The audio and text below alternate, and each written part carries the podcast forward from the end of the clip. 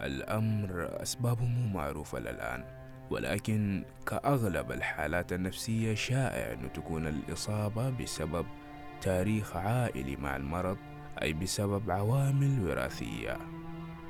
كذلك التجارب السلبية يعني مثل حالتي اللي يمر بها المصاب في مرحلة الطفولة كالتفكك الأسري بمعنى يصبح الشخص في حالة خوف دائم من أن يتم التخلي والابتعاد عنه. عني.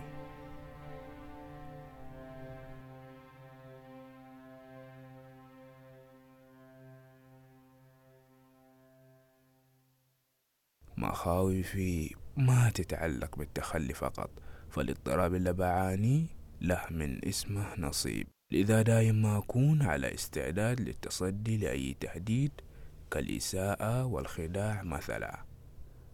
ما يهمني كل هالارتياب وجنون العظمة ولا يهمني أتأكد إنه هذا التهديد حقيقي وموجود أو إنه هل من الصحيح إني أبدي ردة الفعل هذه؟ أنا اللي يهمني هو كلامي معك يا المستمع الكريم. لذا استعرت صوت الأخ تويلر. جهرولوجيا بودكاست. جهرك المؤجل.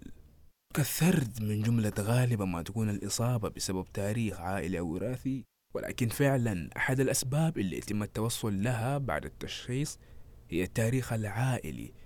حتى بعض الأمراض الجسدية يحدث أنه تسمع الدكتور يقول في أحد في العائلة مصاب بنفس المرض. اضطراب الشخصية الشكاكة هو حالة عقلية أبرز سماتها الشك وعدم الثقة في الآخرين. الأمر اللي يأثر على سلوك وعلاقات المصاب. يصل الأمر لأنه يمتنع عن مشاركة معلومات شخصية مع الآخرين. معلومات وارد أن يتم تداولها بين الناس. الشك يزود ويزود إلى أن يوصل للزوجة. لذا هذه الشخصية ما تفلح في أنها تكون علاقات وثيقة. تتوالى الأعراض عرض ورا عرض. وأرغب في أني أشاركك هذه الأعراض ولكن هل بإمكاني أني أثق فيك؟ ها؟ يا المستمع الكريم هل بإمكاني أني أثق فيه؟ هل ممكن أنه يستغل الوضع ويبتزني؟ طيب في الأصل هل أنا واثق فيك؟ أنت يا المستمع الكريم وإيش يضمن لي أنه أنت ما تكون تملك نفس الأفكار؟ يعني وش اللي يضمن لي أنك ما تستغل ضعفي لصالحك رجاء جاوبني هل بإمكاني أني أثق فيك يا المستمع الكريم بجانب التاريخ العائلي ممكن تكون الإصابة نتيجة تجارب سلبية أو صدمات نفسية أو عاطفية. لذا لا غرابة في العلاقة الغير متزنة بيني وبين الآخرين. كيف ممكن أبقى مخلص لشخص أو لعلاقة وأنا دايم ما يكون عندي شكوك حول هذا الشخص حول هذه العلاقة؟ الأمر يتطور ويوصل للعلاقة الزوجية. ها في حال قدرت أني أتجاوز وأبطل شك كيف راح تستمر الأطراف الثانية في الإبقاء على هذه العلاقة وأنا الشخص شديد الحساسية؟ يا سيدي أصلا كيف قادرين نقول إنه في علاقة وأحد أطراف هذه العلاقة مو قادر يشوف مواطن الخطأ عنده؟ شخص معتبر نفسه محور الكون شخص مصاب بجنون العظمة. يا سيد الكريم في بداية هذا الأمر الأخ تويلر خبرك أنه راح يدلك على طريقة تقدر تتعامل من خلالها مع الأنماط الشخصية. مثل أفريقي يقول الأغنية تكون أحلى لو غناها صاحبها. لذا أنا راح أدلك كيف ممكن تتعامل معي. أو بالأحرى كيف ممكن تتجنب أفعال شخصيتي. طالما مصر إنك تبقى معي أو أنا مصر إني أبقى معك.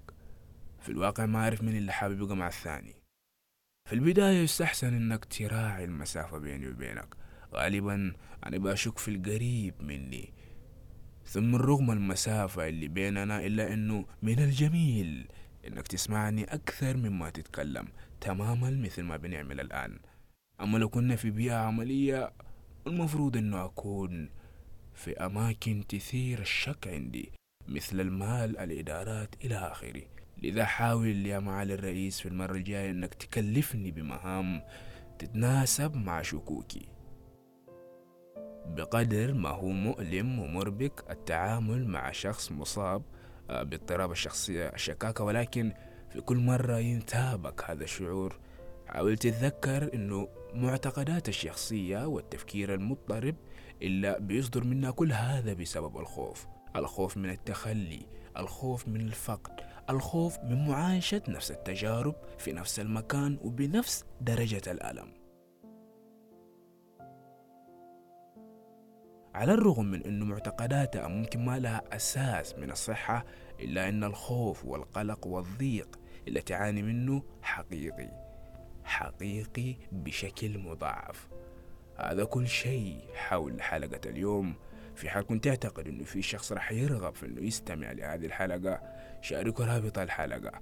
إلى أن نلتقي في جهر آخر دمتم في رعاية المولى.